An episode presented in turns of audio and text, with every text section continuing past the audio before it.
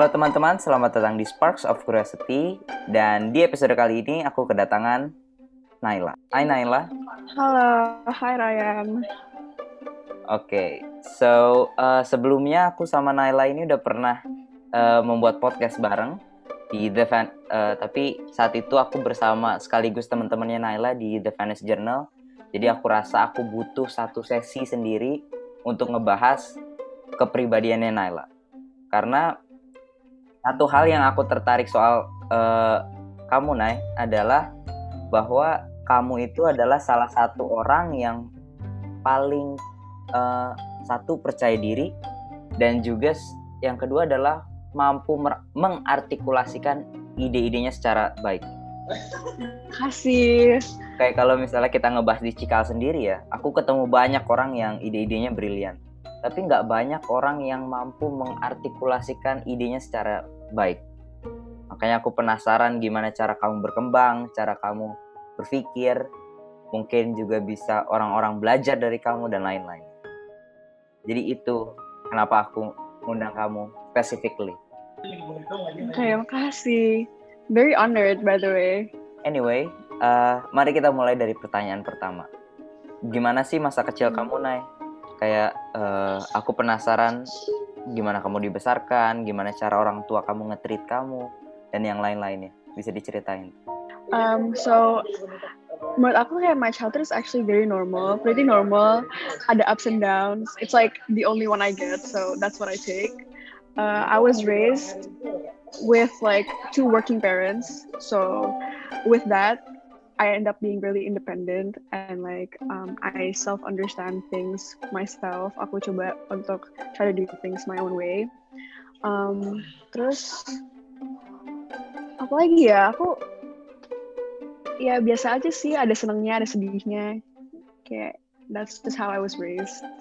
Kalau ini nih mungkin pengalaman yang paling teringat sampai sekarang ada nggak masa kecil di masa um, kalau misalnya tentang kayak belajar-belajar yang paling aku ingat tuh belajar bahasa Inggris. Aku dulu kalau misalnya uh, belajar bahasa Inggris tuh kayak keras banget. Aku harus uh, my parents tuh really like was really like tough on me having to really having to understand English. That's why itu yang paling aku ingat kalau tentang belajar in general terus my parents juga teach me untuk be on time. Even though aku masih perlu kayak belajar cara be on time cuman itu one of the things yang aku paling ingat. Um, terus to speak my mind out also. Kalau hanya um, when I was a kid I was always born to like disuruh ngomong aja kayak kamu jangan malu to speak what's your in, what's in your head and everything. Itu sih. Hmm, berarti uh, eh sebentar. Tadi kamu cerita bahwa orang tua kamu kamu dibesarkan dengan two working parents. Berarti kamu di rumah sendiri atau? Sama mbak. Aku biasa sama mbak atau enggak my iya sendiri. Sama my sister sih. Kan aku ada my sister. Oh iya. Oke oke. jadi aku kalau misalnya nggak ada mbak aku sama my grandma. Oh kamu tinggal bareng nenek kamu atau? Oh enggak. My grandma visit ke aku Hmm, oke. Okay. Biasanya itu orang-orang yang aku kenal jago ngomong, orang-orang yang aku kenal jago mengartikulasikan idenya itu suka baca buku. Nah, aku penasaran nih. Uh, mungkin apakah kamu suka baca buku atau mungkin kamu bisa ceritain di awal kalaupun kamu suka baca buku gimana ceritanya sampai akhirnya suka gitu Um, aku, I actually really like reading books. Tapi I used to read like fictional books. That's my beginning point. Itu definitely reading fictional books. Um, sama aku baca Harry Potter. I read Harry Potter books. Um, that's like the startup of me loving books and like startup imagination and stuff. Aku gak suka baca komik. Tapi uh, recently, for now, I read like more like life books. Recently, the, the book that I'm reading right now is actually A Little Life. That's really good book too. Um, that's that's kind of all the books I actually read. I also read a lot of poetry books. That's the main like main poetry books that I like to read. Uh, apa buku favorit kamu? So far, My favorite book, I have to say, um, they both die at the end. It's really, it's really a like, it's really a touching book, and they give like the perspective of each characters like really well. It's just, I love that book. That's, I think that's my favorite book. What is the book about? Um, the book is about like how in the in the world people get a call 24 people get a call when the day they die. Jadi um, dikasih tahu nggak dikasih tahu jam berapa, nggak dikasih tahu apa, tapi cuma tahu you have a, day, a whole day that you're gonna die. Terus kayak jadi disuruh kayak live your life to the fullest. Ini diceritain tentang two main characters discovering themselves gitu.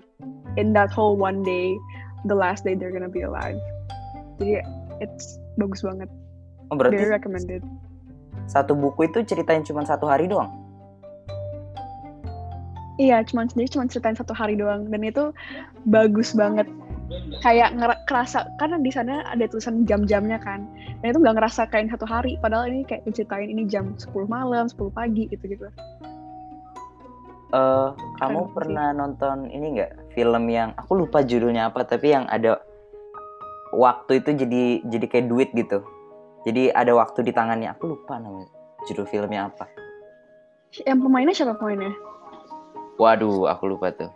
Jadi ini dulu banget sih. Jadi dia beli beli barang atau beli makanan pakai waktu atau misalnya beli Oh, eh kerja bukannya dapat duit tapi ini dapat waktu. Jadi waktu hmm, tuh sebagai komoditas. deh. Oh, oke. Kayaknya itu mirip deh dengan ceritanya. Mungkin nanti aku akan baca. Tadi apa judulnya, Nay? Uh, they both die at the end. They both die at the end. Hmm, oke. Karena akhirnya pasti mereka bakal meninggal juga. Gitu. Oh, oke. Iya, iya. Iya. menarik, menarik. Oke. Eh, berarti kamu lebih suka fiksi ya daripada non-fiction? Iya, the only non-fiction book yang aku pernah baca tuh Anne Frank. Dan itu aku nggak terlalu se-interested as I was non reading reading fictional book. Karena kalau fictional book kamu bisa nge-imajinasi sendiri. Tapi kalau non-fiction, it's already there. Jadi kayak, Hmm. ya. Adik aku juga kalau nggak salah dulu baca deh Anne Frank, tapi aku nggak tahu dia nyelesain atau enggak. Eh, yang aku penasaran adalah apakah kamu lebih suka baca buku atau nonton film? nonton film. Kayaknya sih aku nonton film deh. Uh, well, kalau my favorite kayak film sih pasti Marvel movies. Pokoknya anything in the Marvel Cinematic Universe I love. Um, it's just menurut aku tuh lebih comforting aja nonton film, dengerin orang ngomong, ng- ngeliatin ngeliatin orang kayak do something, acting itu it's more comforting than reading. Even though reading itu juga very fun for me, very therapeutic. Tapi uh, aku lebih suka, aku kayak lebih prefer nonton.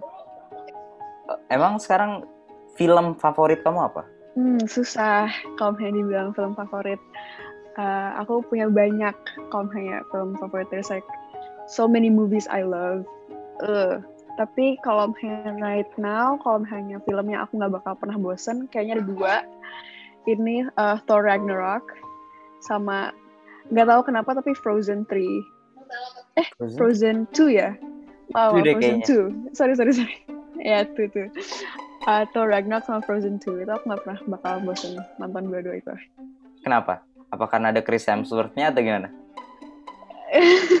Karena uh, Ragnarok tuh yang film Marvel yang paling gak sedih. Kayak itu tuh bener it's such a happy Marvel movie. Every Marvel movie tuh pasti kayak ada sedihnya. Even though end credit scene Thor Ragnarok sedih, cuman kayak ya udah gitu. Cuman dikit doang. Cuman kayak the whole the whole uh, Thor bisa dekat sama Loki, terus kayak ketemu Hulk, terus mainly it's not Bruce Banner, it's Hulk, and he's funnier, honestly. Jadi kayak I just really love that. Hmm. Oh, Thor Ragnarok. Iya sih, yang yang paling disayangkan abis Thor Ragnarok langsung Endgame. Eh, langsung Iya. Infinity War kan? Infinity War. Terus kan end credit scene-nya Thor Ragnarok kan ada uh, spaceship Thanos kan, dan kita udah tahu tuh di- pas spaceship Thanos bakal kayak gimana. Jadi kayak ya sedih, cuman before a sad movie kita dapet yang senang-senang. Jadi kayak that's bagus. Nah, aku mau balik lagi nih ke Mm. eh, misalnya sekolah lah. kan tadi di awal hmm. kamu cerita bahwa kamu itu termasuk yang diajarkan untuk disiplin. Nah, hmm. salah satu hal yang aku kagumi dari kamu adalah kamu itu berha kamu itu bisa ini loh Nay, apa? Walaupun tugasnya jadi, tugasnya bagus, tapi di saat yang bersamaan kamu juga masih bisa hang out, masih bisa ngobrol sama teman, masih bisa punya teman banyak. Nah, aku penasaran, apakah kamu uh, gimana caranya kamu memaintain itu? Jadi kayak tugas bagus, tapi tetap bisa main, tetap bisa keluar. Gimana caranya kamu memaintain itu? Um, honestly, I've never seen myself that way. Cuman kayak, thank you. Uh, kalau hanya cara memaintainnya, aku cuman uh, know my deadline and just know that whatever it is, prioritize ini sih prioritize deadline. Kalau hanya main-main sama temen tuh pasti bakal ada. If you find the right people to hang out with, uh, they will stick to you no matter what. Especially kalau hanya kan waktu itu kita satu sekolah juga kan ya. Uh, terus teman-teman aku juga satu kelas semua kan. Jadi we all have the same deadlines. So um, that's actually how it how it works. Pasti kita bakal uh, manage our time, do the work with a maximum ini kayak max do the work with uh, your maximum effort. Terus uh, at the end you give yourself kayak um, a reward. Terus you hang out with friends. Aku kayak gitu sih. And uh, my friends juga they're also doing they're also busy at their own things. And mereka bakal mereka bakal busy with their own things and mereka bakal they're gonna come back to us anyway you know you know the right people will will come back to you either way they're gonna be there they're gonna be there for you no matter what jadi yeah just make sure to be there for them too. That's, I don't know how to manage it honestly. Kayak aku nggak tahu kalau ini make sense atau enggak cuman karena aku nggak pernah mikirin kayak nge-manage manage gitu loh. Kayak I just go with the flow mainly. Kamu berarti nggak punya schedule khusus gitu atau atau kamu cuman oh ya as long as there is deadline I'll do it. Atau gimana kamu? Aku apalagi SMP ya kan kita SMP bareng ya. Aku especially SMP malah lebih gak ada nggak ada aku nggak schedule sama sekali. Kayak ya udah aku go through the deadlines. Ini ini jelek sih aku harusnya ada schedule. Aku harus lebih rapih dulu pas year 7 tapi pas SMP pokoknya harusnya lebih rapih. Cuman kayak aku aslinya year 7 uh, eh, SMP tuh very very messy. Cuman aku pas-pasin deadline aja sih that's actually me ya yeah. hmm menarik menarik Ryan kayaknya uh, enggak ya kayak Ryan lebih faster faster the deadline gak sih enggak sih aku juga kurang lebih mirip sih ngikutin aja apa selama ada deadline Apanya? aku sebetulnya baru pakai jadwal itu semenjak pandemi karena like literally I cannot yeah, iya. control yeah. myself karena susah Mm-mm. apalagi kalau online kayak gini uh, waktu pasti kayak it just flies by lebih cepet karena kalau misalnya di sekolah kan ada yang masih inget-ingetin kan tapi kalau di rumah tuh kadang-kadang udah nggak ada yang peduli yang peduli cuma bisa kamu doang yang bisa nggak kontrol diri sendiri hmm. aku sih kayak gitu kalau di rumah after pandemic Berarti selama pandemi kamu udah mulai punya jadwal atau gimana tuh? Ah, ya, aku mulai aku mulai tegakin kayak my, my jadwal karena there are more things I have to do pas SMA. Uh, lebih banyak notes, take note taking, lebih banyak project, lebih banyak PR. Aku harus belajar buat quizzes, quiz-quiz gitu kan. Jadi aku lebih ada schedule after in high school. Hmm. Oh iya, aku mau ngebahas ini, Nay. Kan uh, kamu sebelumnya di SMP di Cikal, lalu pindah ke Mentari kan kamu sekarang. Nah, yang aku dengar dari uh, beberapa teman aku dan aku dengar dari ibu aku juga, katanya yang aku dengar Mentari itu jauh lebih strict daripada di Cikal. Nah, aku penasaran. Ceritain, ceritain dong pengalaman kamu pindah ke Mentari. Kayaknya ini aku paling penasaran.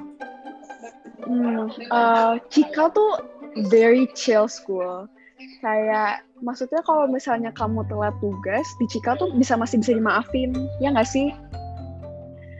Atau enggak kalau di Cikal tuh uh, pokoknya very chill lah uh, environment learningnya. Apalagi waktu itu kan aku few months online Cikal kan.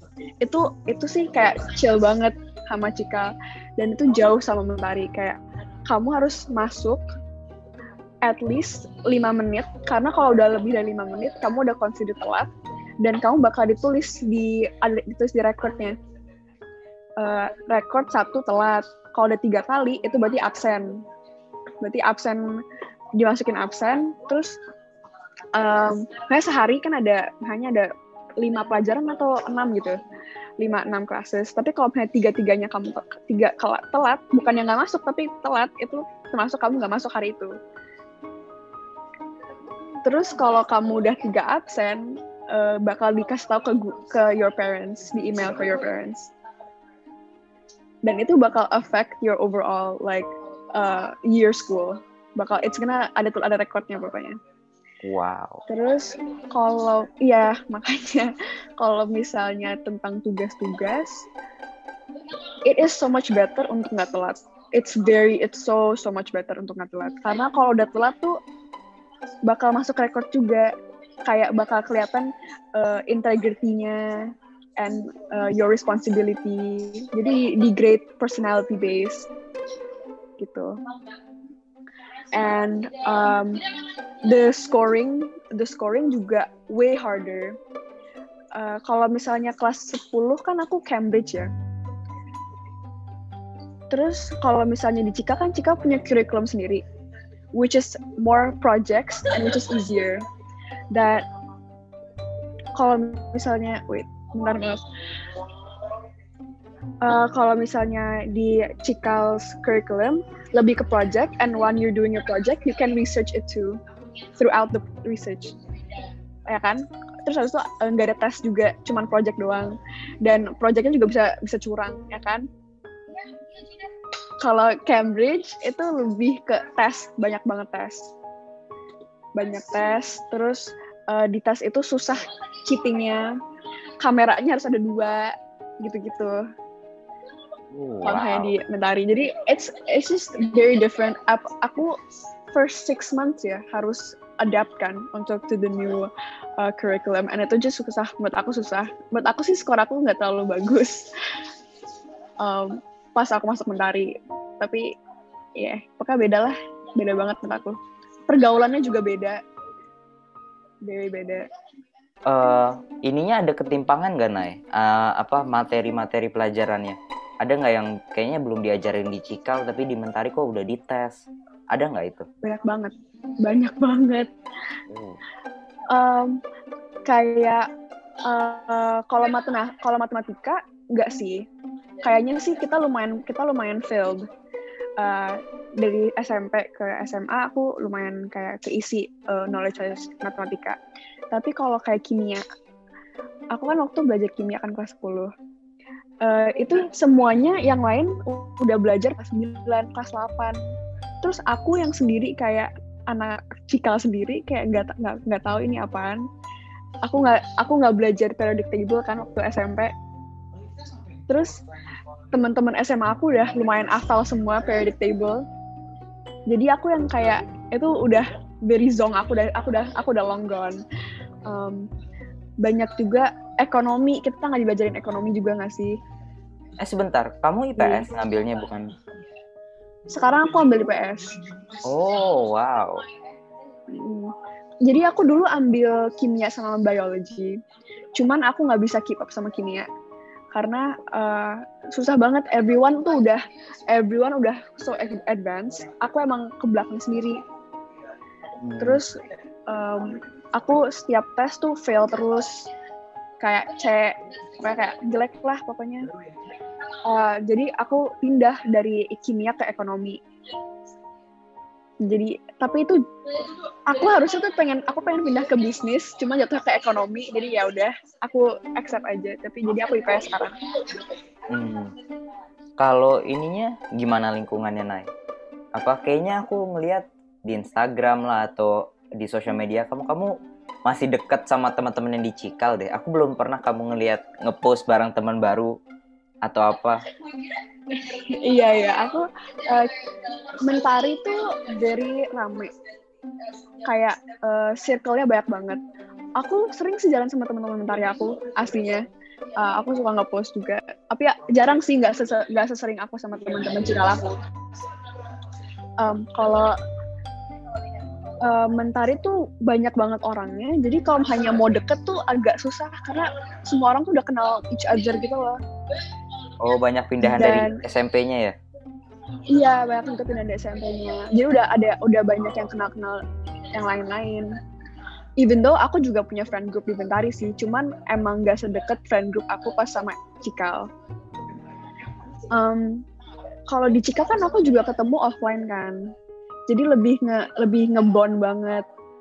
Tapi kalau hanya di Mentari, jarang bisa ketemuan, uh, jarang bisa actually interact in real life. Terus kita belum pernah belajar bareng side by side, jadi agak belum ngerasa feel-nya even though we are close to each other, kita cuman aku cuman nggak se-close I am with my um, Cikal friends aja sih. Hmm, oke. Okay. Karena eh aku nggak aku nggak tahu sih sekolahnya sama atau enggak. Ada anak mentari yang tahun ini pindah ke Cikal. Dan setelah aku dengar cerita kamu, oh, kayaknya iya. dia akan bahagia sekali di Cikal. Oh iya, siapa? Eh, boleh boleh bilang siapa nggak? Uh, boleh. Uh, mungkin ini akan aku potong ya namanya di podcastnya tapi aku akan apa. ngomong namanya eh kalau di apa namanya kalau di Mentari lingkungannya gimana apa kalau di Cikal kan guru-gurunya lebih cenderung hmm. gurunya akan mencoba mendekati yang gak, yang belum ngerti nah kalau di Mentari gimana tuh kan muridnya banyak dan materinya juga mereka banyak. mereka nggak bakal bisa ngefokus ke satu student doang sih um, kalau misalnya Cikal kan lebih very personal. Mereka kalau ada yang kamu nggak ngerti, mereka bakal bantuin kamu satu-satu one on one. Tapi kalau ini kamu harus email, kamu harus email sendiri. They're not gonna reach out to you, so you have to reach out to them. Gitu. Hmm. Um, itu sih kalau guru-guru guru-guru mentari. Um, tapi kayaknya kalau misalnya offline, uh, they're gonna be strict. I I think they're gonna most of them are gonna be very strict so far sih kayak uh, sa cuma satu dua guru doang sih yang online-nya seru. Apa itu? Nggak tahu deh. Guru PPKN sama apa lagi ya? Aku cuma ingat guru PPKN doang. Oh, iya pokoknya guru PPKN seru aja. Karena dia curhat terus kerjanya, jadi seru. Kayak Pak L, tipe-tipe Pak L mungkin. Kayak Pak L. Tapi ini Pak L, tapi lebih seru soalnya lebih kalau Pak kan agak ya gimana gitu ya poin lebih seru menurut aku hmm oke okay.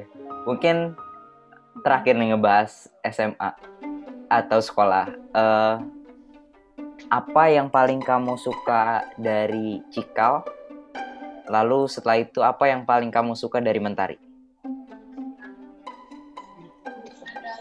Yang paling aku suka dari Cikal tuh it's so chill. I love it.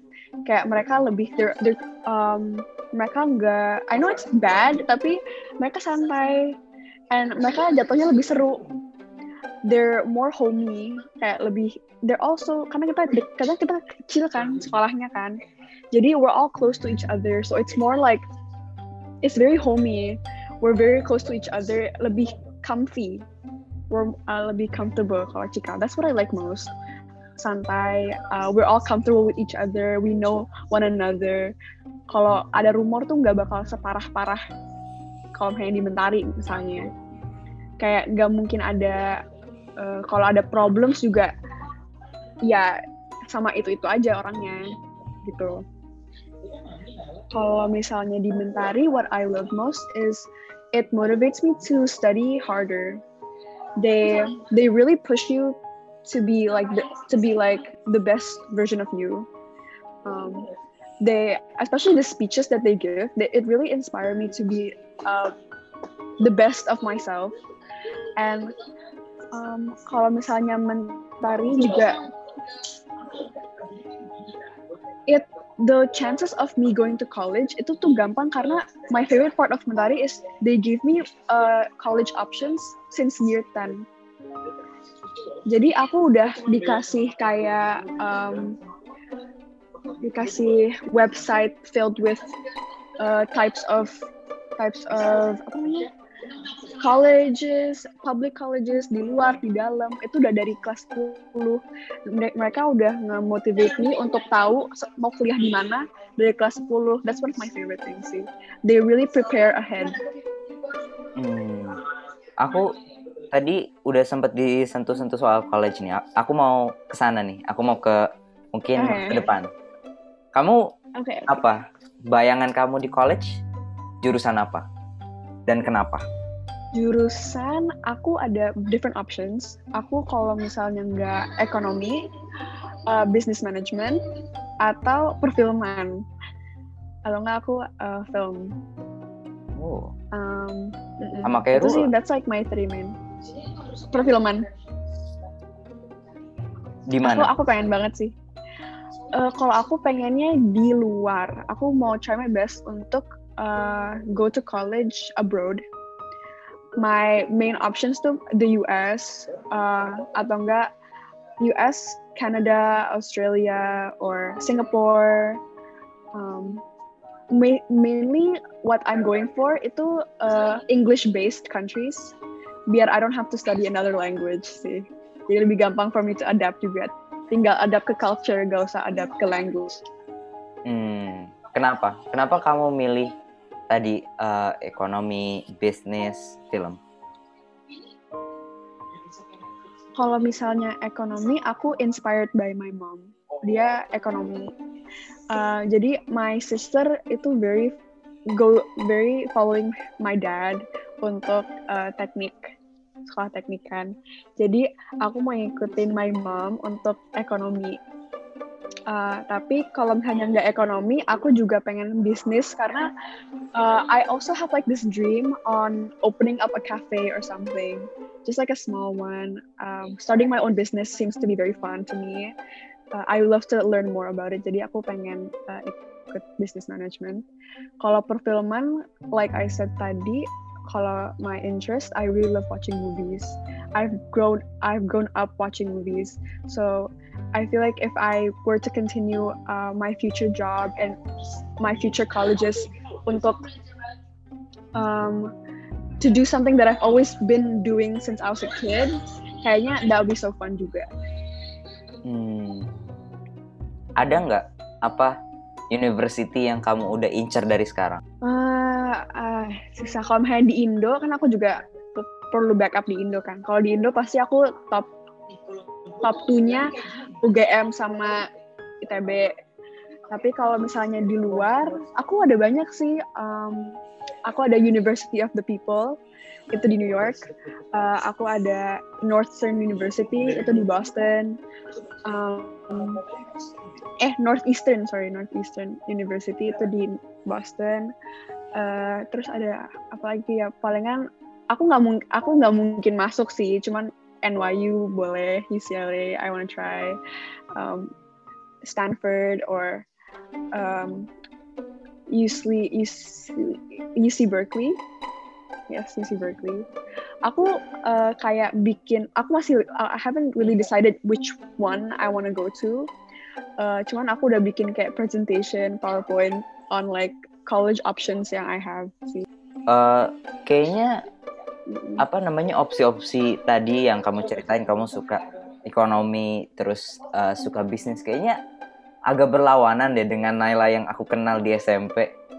Kamu nggak tertarik dengan ini Nay? Apa mungkin kenapa? Isu-isu sosial seperti pendidikan atau isu-isu hmm, aku pengen psikologi. Kenapa hmm, tuh? Kenapa ada shift? advocate, advocate ya.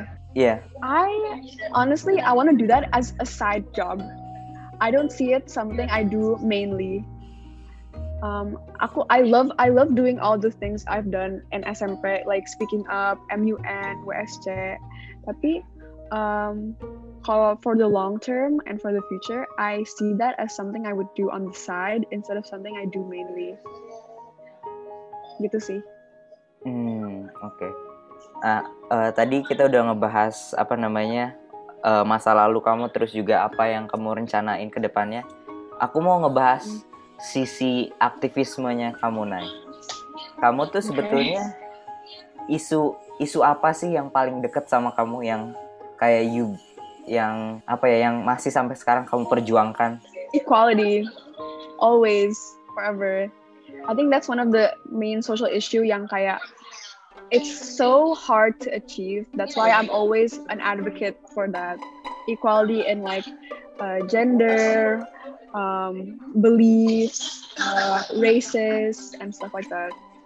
Mm. I, I think that's like my main social issue that I will always stand by for. Kenapa? Apa kamu punya pengalaman? juga. Kenapa tuh? Apa mungkin kamu hmm, punya mungkin background story? I just see uh, on the internet there's so many injustice towards other people and I think that it's just so cruel of the world that kita harus melihat orang orang-orang tuh berbeda-beda just because of their certain something yang they can't control juga gitu. Um, it's just so unfair. I, I just don't like to see the unfairness of the world always being so against another another race or another belief or uh, another person's sexual preference i just um, that's just something that i do not like and i do not support and that's why i'm so against it hmm.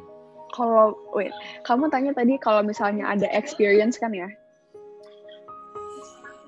kalau experience in general uh, as a female ya mainly I'm always so brought down because of it.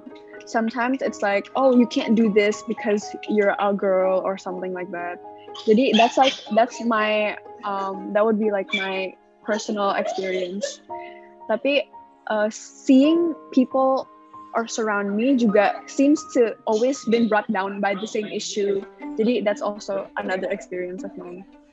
Hmm.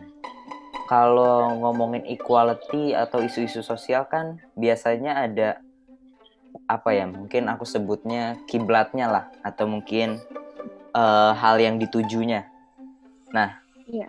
kamu dunia seperti apa sih yang kamu mau hasilkan ataupun yang kamu harapkan dari isu equality ini? Ya?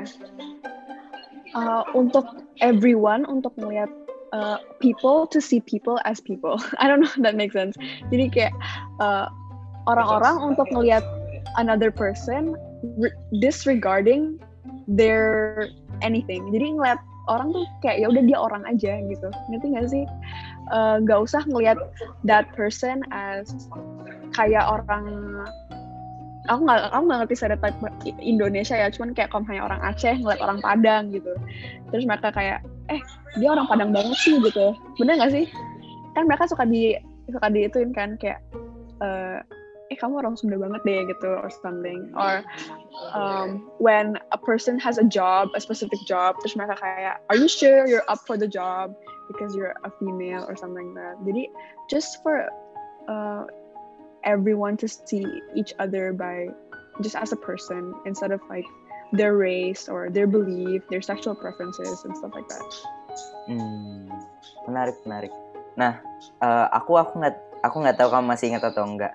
Tapi di uh, interview question yang aku kasih ke kamu kemarin itu totally different kan dari pertanyaan-pertanyaan yeah. yang aku tanyain. Nah, uh, salah satu alasannya karena kemarin itu tiba-tiba aku nggak sadar bahwa ternyata kamu ternyata ngajak semua tim The Venice Journal. Jadi uh, apa beberapa jam setelah itu aku langsung ganti semua pertanyaan-pertanyaannya sesuai dengan itu. Tapi oh. uh, tapi aku mau nanya pertanyaan-pertanyaan yang kemarin aku kirimin ke kamu nih secara pribadi karena isu okay. equality ini kan buat aku secara pribadi cukup asing. Aku baru dengar isu equality ini di SMP. Kayak uh, di SD aku aku belum pernah dengar sama sekali. Nah, aku pengen tahu sebetulnya apa sih yang di apa namanya? Tadi sih udah dijelasin apa yang diperjuangkan dengan isu equality. Tapi yang aku mau tahu lebih dalam adalah uh, kenapa isu equality ini sangat penting dibandingkan let's say isu-isu yang lain? Um, karena menurut aku uh, equality is just basic human decency. Um, seeing a person as who they are itu it's just basic human decency. That's why I think that's really one of the most important social issue that I stand by. Um, because ya basic aja kamu ngeliat orang bukan gara-gara their appearance itu menurut aku kayak basic aja. That's why I hold it really upward rather than other social issues. Hmm. Kalau ngomongin isu equality, aku aku penasaran nih tanggapan kamu aku termasuk yang apa namanya setuju sih dengan isu equality tapi yang aku nggak setuju dari orang-orang yang uh, apa namanya berpikiran atau advocating for equality adalah equality of outcome. Menurut kamu gimana tuh tentang equality What of mean equality of outcome? Uh, karena gini, jadi beberapa hari belakangan ini aku sempat cerita sedikit di uh, interviewnya Venice Journal bahwa aku nih lagi tertarik banget dengan hal ini. Karena uh, ini sebuah hal yang baru aku juga lagi nggak ada kerjaan selama liburan akhirnya aku cenderung banyak riset tentang ini. Nah uh, salah satu hal yang yang muncul di Google search atau muncul di artikel-artikel soal equality adalah equality of outcome. Jadi seolah-olah equality of outcome ini adalah tujuan akhir dari isu equality di mana uh, misalnya perempuan dan laki-laki bisa sama-sama let's say memiliki memiliki penghasilan yang sama, memiliki lalu juga memiliki uh, rasio job yang sama. Nah, menurut kamu gimana? Apakah kesamaan itu betul-betul yang kamu harapkan atau bukan? I hope so. Yeah, I think I think it is one of the things I'm I hope for for people to be given um, job opportunities the same way. Uh, based on experience, they're more seen on their experience and how uh, their how they actually value instead of their gender or their race and stuff. I think yeah, I agree with hmm. the equality outcome. Salah satu hal yang yang masih uh, aku apa ya masih masih ganjel di otak aku soal equality of outcome itu adalah uh, ini bukankah equality of outcome tuh bikin dunia jadi kayak apa ya jadi kayak komunisme gak sih aku penasaran deh pertanyaan uh, apa namanya tanggapan kamu karena yang enggak, yang aku, aku karena yang Kenapa? aku kamu apa? gini karena yang aku tahu ya aku aku aku setuju. Aku setuju dengan isu equality. Tapi yang aku setuju dengan isu equality adalah equality of opportunity. Bukan equality of outcome. Mm-mm, uh, okay. karena karena gini. Ini ya, ya ini berdasarkan yang aku baca kemarin ya. Aku aku belum tahu sih. Aku aku kayaknya masih harus baca banyak. Tapi yang aku tahu adalah equality of outcome.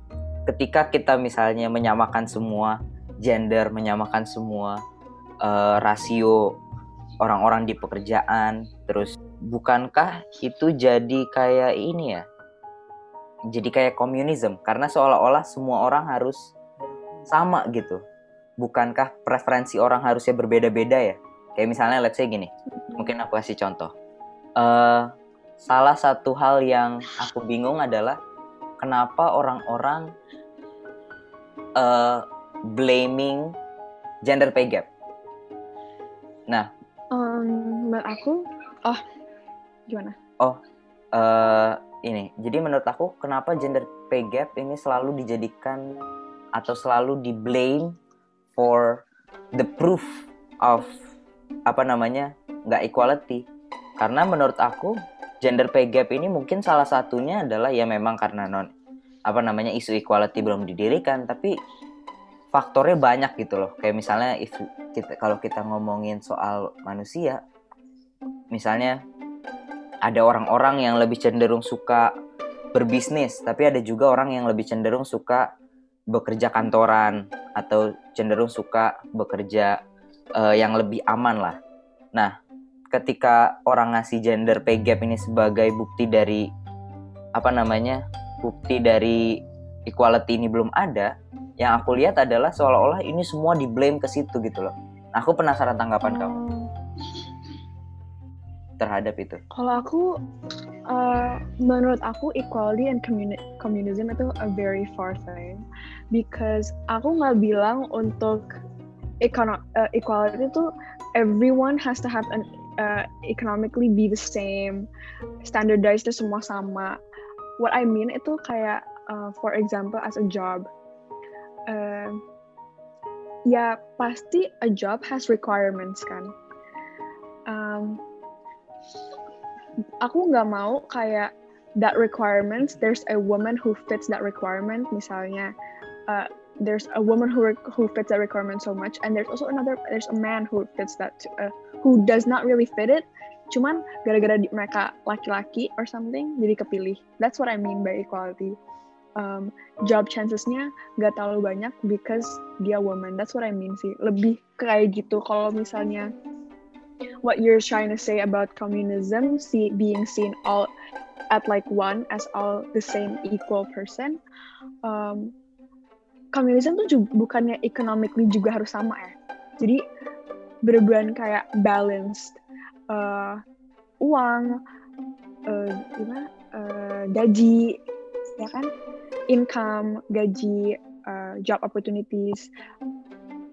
Kalau misalnya job opportunity sama semua juga it isn't uh, it does not equal to communism. Ya gak sih? Just because uh, everyone has the same job opportunity based on their capabilities and based on the and by fitting of that job's requirements it's also that doesn't lead to um, that doesn't lead to communism. I just want uh, kalau misalnya aku ya my view of equality is just for people untuk ngelihat orang lain as a makhluk hidup jadi nggak lebih ke oh that person for example that person is African American and he is just seen as an African American man instead of seen as a person gitu loh that's jadi menurut aku jauh dari communism. Um, terus kalau equality of out kamu lebih kelihatannya kayak ada orang pen hanya ada orang shorter than the other. Terus dikasih block kan dikasih block terus even though that person that tall tapi dia dikasih block juga. Biar kayak ini kan.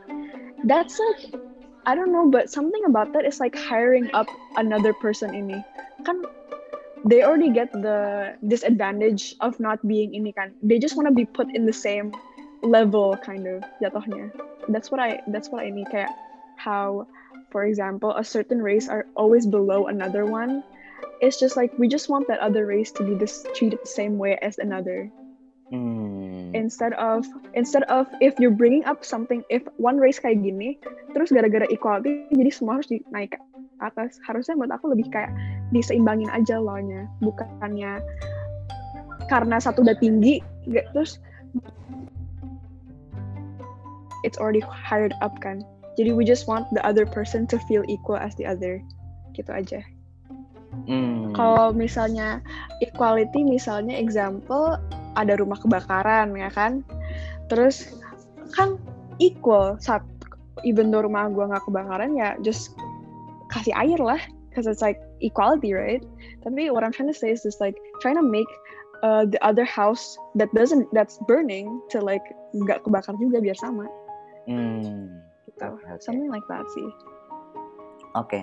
menarik menarik. Berarti uh, aku bisa aku bisa udah mulai tahu nih cara kamu berpikir karena tadi pertanyaan yang tadi itu sebetulnya cara aku ngelihat orang uh, mendukung isu equality. Kayak misalnya uh, berarti yang aku tangkap dari kamu kamu itu lebih ke ini ya equality of opportunity rather than outcome. Iya berarti kayak iya berarti kayak iya ya kayak gitu. Hmm oke. Okay. karena yang aku lihat sekarang adalah orang-orang yang apa aku nyebutnya aktivis musiman jadi kayak tiba-tiba ketika ada isu yang meledak tiba-tiba dia storynya isinya nge-repost itu semua seolah-olah dia sebagai sorry. Buat tren doang ya? Sorry ada adik aku tadi. Nggak apa-apa. Buat tren doang jatuhnya ya? Iya gitu. Jadi hmm. salah satu yang aku temukan dari mereka adalah mereka itu nggak terlalu ngerti soal equality akhirnya mereka cenderung ngelewatin batas equality lebih ke komunisme gitu di mana mereka mau semuanya sama. Oh, iya, iya. Cowok sama cewek Betul, harus iya. apa namanya harus sama cowok sama cewek harus misalnya kalau kita ngomongin pay gap padahal aku banyak nonton bahwa pay gap itu sebetulnya kompleks lebih kompleks dari isu equality gitu ada psikologinya juga ada apa Coba mungkin aku uh, research about that juga deh. hmm. Pre pre gap. Eh, gender pay gap Oh, pay gap. Oke, gender pay gap. Eh, aku saranin eh, salah satu orang yang aku tonton kalau soal equality adalah aku nggak tahu kamu udah tahu dia atau belum namanya Jordan B Peterson John, B- kayaknya aku pernah denger deh. Iya, I think I've heard of him. Hmm. Yang yang aku Hmm. lihat dari perspektifnya dia tuh itu, dia mencoba untuk membatasi antara equality dengan komunisme. Nah, Hmm. itu sebetulnya yang yang aku yang aku cari dari orang-orang yang fight for equality itu itu. It's equality of opportunity rather than equality of outcome. outcome. Ah, oke. Aku aku setuju sih, aku setuju uh, tentang nggak nggak nggak equality of outcome, mending equality of opportunities ya. Very. Aku by the way, aku baru pertama lo dengar uh, equality of outcome. Aku kurang research mungkin.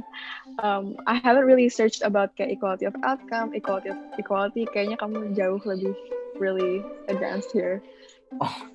Enggak sih, aku mungkin baru beberapa kali nonton sih. eh tapi yang yang aku rasakan tuh gitu gitu loh. Aku aku penasaran karena salah satu orang yang sering eh, argumen yang melawan melawan view aku adalah bahwa katanya aku belum pernah ngobrol dengan orang-orang yang let's say eh, apa namanya have yang udah pernah ngerasain gimana rasanya jadi perempuan atau yang pernah ngerasain gimana ngelewatin isu itu. Makanya aku penasaran apakah memang betul semua orang tuh seperti itu atau bukan? Gitu sih yang aku penasaran. Oke. Tadi kita udah ngomongin isu equality. Aku penasaran dengan uh, view kamu ke depannya untuk Indonesia kayak misalnya apa isu-isu Oke. yang menurut kamu masih perlu dibenahi di Indonesia soal equality Kalau equality tentang Indonesia, um, gimana ya? Eh, mungkin racism towards Papua nggak sih? Uh, like they're all really they all Indonesians once they're discriminating another uh, another suku itu mereka parah banget, and especially towards yang waktu Papua. Uh, I think that was very harsh. And I just I just for Indonesia ke depan mungkin to stop discriminating each other just because within like berbeda suku aja tuh uh, rasis gitu. Mendingan kayak mungkin in buat Indonesia ke depan untuk nggak kayak gitu even simple simple simple stuff kayak stereotyping. Kalau misalnya eh kamu tuh orang mana sih? misalnya oh aku orang Jakarta. Terus itu pasti di stereotype oh orang Jakarta kayak gini gini. Gini orang Jawa kayak gini gini. Gini mungkin kurang kurangin juga kali ya kayak gitu gitunya ya. Karena it's really sama aja kayak zodiak gak sih? Kayak nggak suka nggak relevan jatuhnya. Suka ya beda-beda orang-orang juga beda-beda gitu. Jadi untung jadi maybe something like that less discrimination sih uh, towards Indonesia kalau misalnya tentang uh, under equality Hmm. Eh, aku aku nih sebetulnya kalau ngomongin equality di Indonesia, aku penasaran nih view kamu. Eh, apa namanya? Kalau misalnya kita bandingin equality di Indonesia dengan equality di let's say negara kayak Amerika, eh bukan equality sih, racism, racism misalnya, yang ngomongin suku, rasisme dan lain-lain.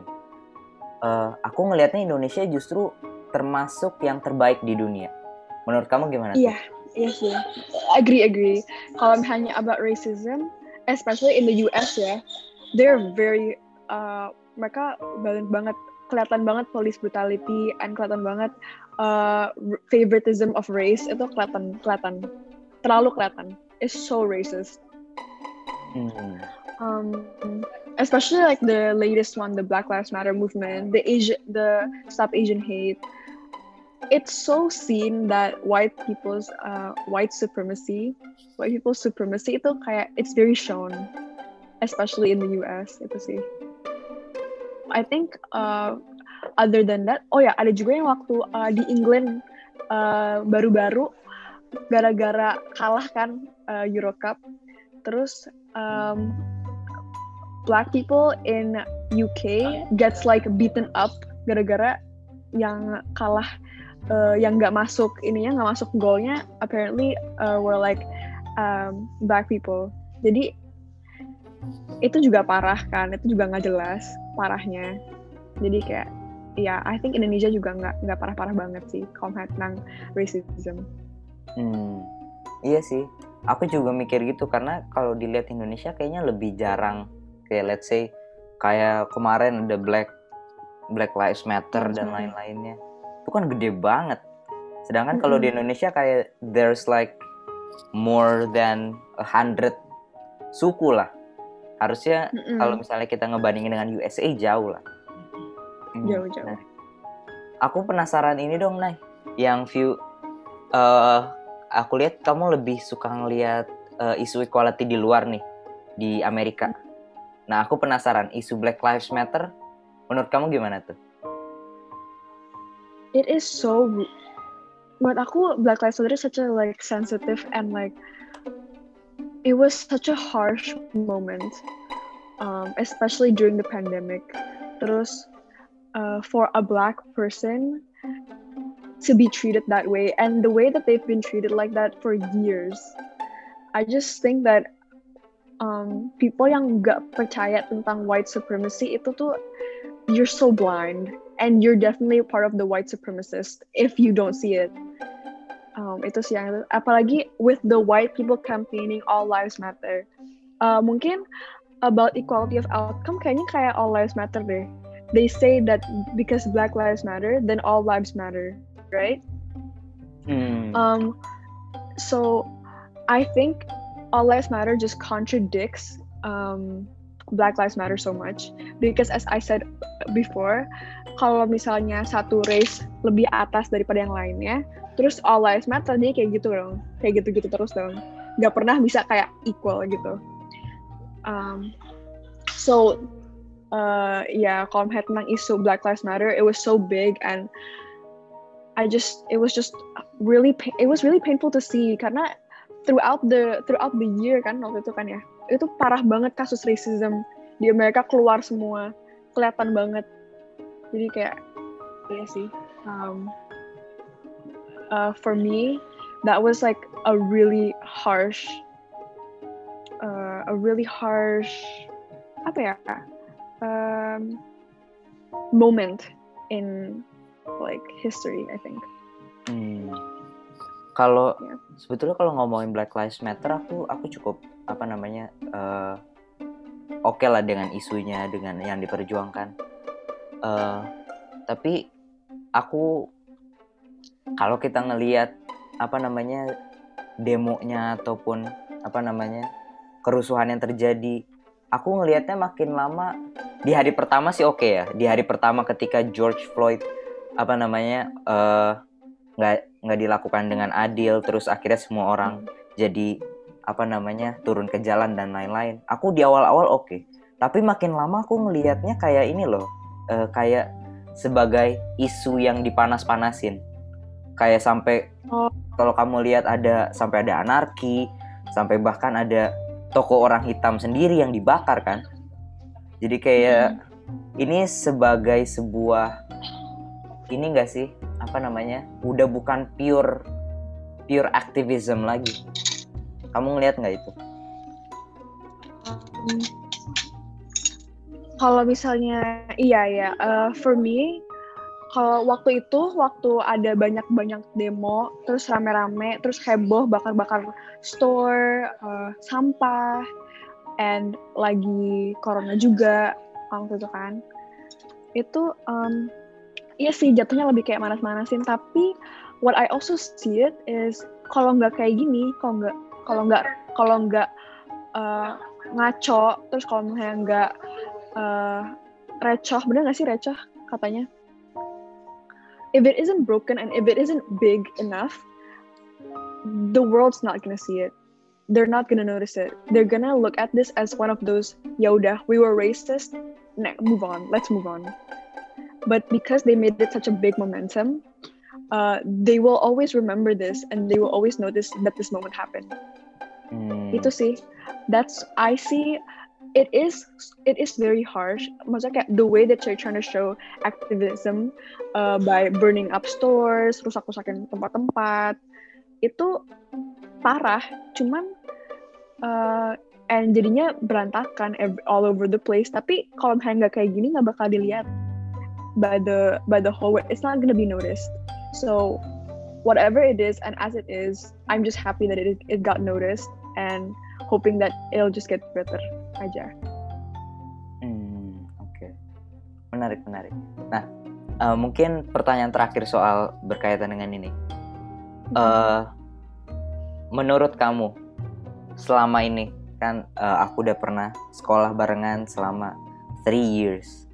Aku penasaran Three view kamu tentang view yang aku punya soal mungkin eh politics atau mungkin eh, isu-isu sosial. Menurut kamu, apakah aku lebih ke konservatif atau liberal? Aku penasaran. You're kayaknya kamu lebih liberal gak sih? I, you're one of the most open-minded person I've met in Cikal. Kayak uh, you know, you always know what you're talking about. Jadi um, kayaknya lebih ke liberal gak sih? I don't know sih. Menurut aku kamu lebih liberal. Kamu nggak terlalu conservative. Uh, kalau in the means of liberal open-minded, lebih more open-minded, lebih open about your actions, then you are menurut aku lebih liberal. Oh, wow. Bener gak? Oke, aku aku nggak ngira itu karena eh, aku nggak tahu ya mungkin eh, di Cikal tuh aku salah satu orang yang sering dianggap konservatif dan lain-lain Karena- Oh, iya. karena apa namanya background aku dan lain-lainnya yang yang aku nggak terlalu suka sebetulnya dianggap view tersebut. Tapi uniknya adalah ketika aku SD, aku dianggap orang paling liberal cuman karena mempertanyakan hal-hal seperti kenapa kenapa eh, apa namanya eh, laki-laki dan perempuan harus dipisahkan dan lain-lain. Oke, aku penas eh, aku penasaran soal hal itu dan aku jujur aja surprise sih kamu bilang, oh aku eh, sebetulnya liberal. Sebetulnya aku lebih ke Iya. aku klasik liberal. Jadi aku nggak terlalu ngikutin orang-orang yang sekarang yang beyond the point of equality of opportunity, tapi juga aku bukan konservatif. Menarik, menarik. Iya, aku aku nggak ngeliat kamu as konservatif sih. Hmm, Kamu Oke. lebih iya. mungkin aku akan kayaknya ini udah cukup lama nih, udah satu jam. Aku mau nge-close ini. Iya. Eh, Oke oke oke. Kira-kira mungkin dua pertanyaan lagi. Yang pertama, area mana di masa depan yang pengen kamu improve? Eh, maksud area ini tuh kayak area kayak pendidikan gitu ya? Eh nggak harus pendidikan sih. Kayak misalnya kemarin aku ngobrol sama Najia dia mau hukum. Hukum Indonesia diperbaiki. Eh bukan Oh, diperbaiki di- oke. dijadikan lebih adil dan lain-lain. Kalau kamu apa? Um, kalau aku kayak the standpoint that I did before sih, I think uh, for what area that I want I want to improve is more on the um, equality side, lebih ke uh, people seeing um, another human being as as a human. Um, therefore, people's gender, uh, sexual preference, their race to not equal their value. Jadi I think that's what uh, I want to I would want the world to improve at. Hmm, oke pertanyaan kedua 10 atau 20 tahun yang akan datang di mana Naila berada Susah jawabnya. Aku tuh uh, I re- I'm so rare and thinking long term about my life. Itu tuh aku udah dari kecil kayak udah udah males gitu mikirin long term. tapi kalau misalnya tanya kayak gitu hopefully uh, 10 years aku udah 26 ya berarti ya um, aku baru college kan lumayan eh enggak deng udah selesai college udah lumayan 2 tahun 3 tahun kan. Uh, hopefully I have a job. Uh, preferably aku already have a stable job. Um, mungkin aku udah mikir-mikir untuk start new business karena kan aku masih umur segitu juga. Uh, hopefully aku udah either starting or going to start a, a new uh, a new business cafe or something. Um, udah have a stable income terus uh, maybe I'll be abroad. Not in Indo. I don't see I, ya yeah, kayaknya aku gonna be uh, outside the country. Terus um, aku hopefully nyicil rumah kali ya. Aku, aku beli rumah or something. Iya sih kayaknya that, I think that's itu maybe have a dog or something like a pet. Mm. that's what I see myself in like 10 years 20 years from now menarik menarik menarik. Oke okay, mm. uh, mungkin ada lagi yang mau ditambahin Nay? Last message? Um, aku boleh tanya Ryan nggak? Boleh boleh. Boleh. Uh, kalau Ryan 10 tahun 20 tahun lagi gimana? Gimana nih? Dibalikin dong. Oke. Okay. dibalikin. Uh, susah sih. Uh, ya kan? Susah. Gimana iya. Uh, 20 26 aku uh, kuliah ngambil computer science atau computer engineering. Uh, rencananya mau di luar. Aku berharap pada umur 26 aku punya uh, pekerjaan yang stabil di bidang startup mungkin. Sebetulnya ini ini ada satu alasan eh kayaknya nggak diomongin sini nanti aja sih.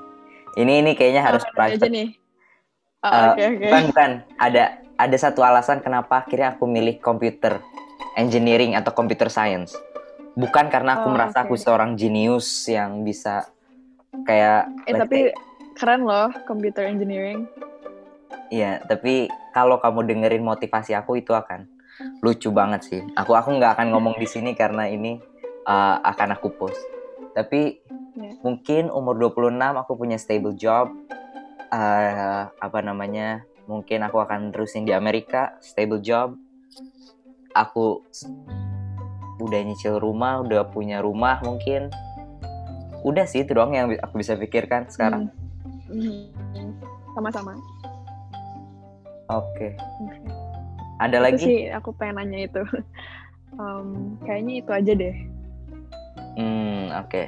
uh, eh, karena apa pertanyaan pertanyaan aku udah habis dan waktunya juga sudah lama. Thank you Naila udah mau diundang dua thank kali. you.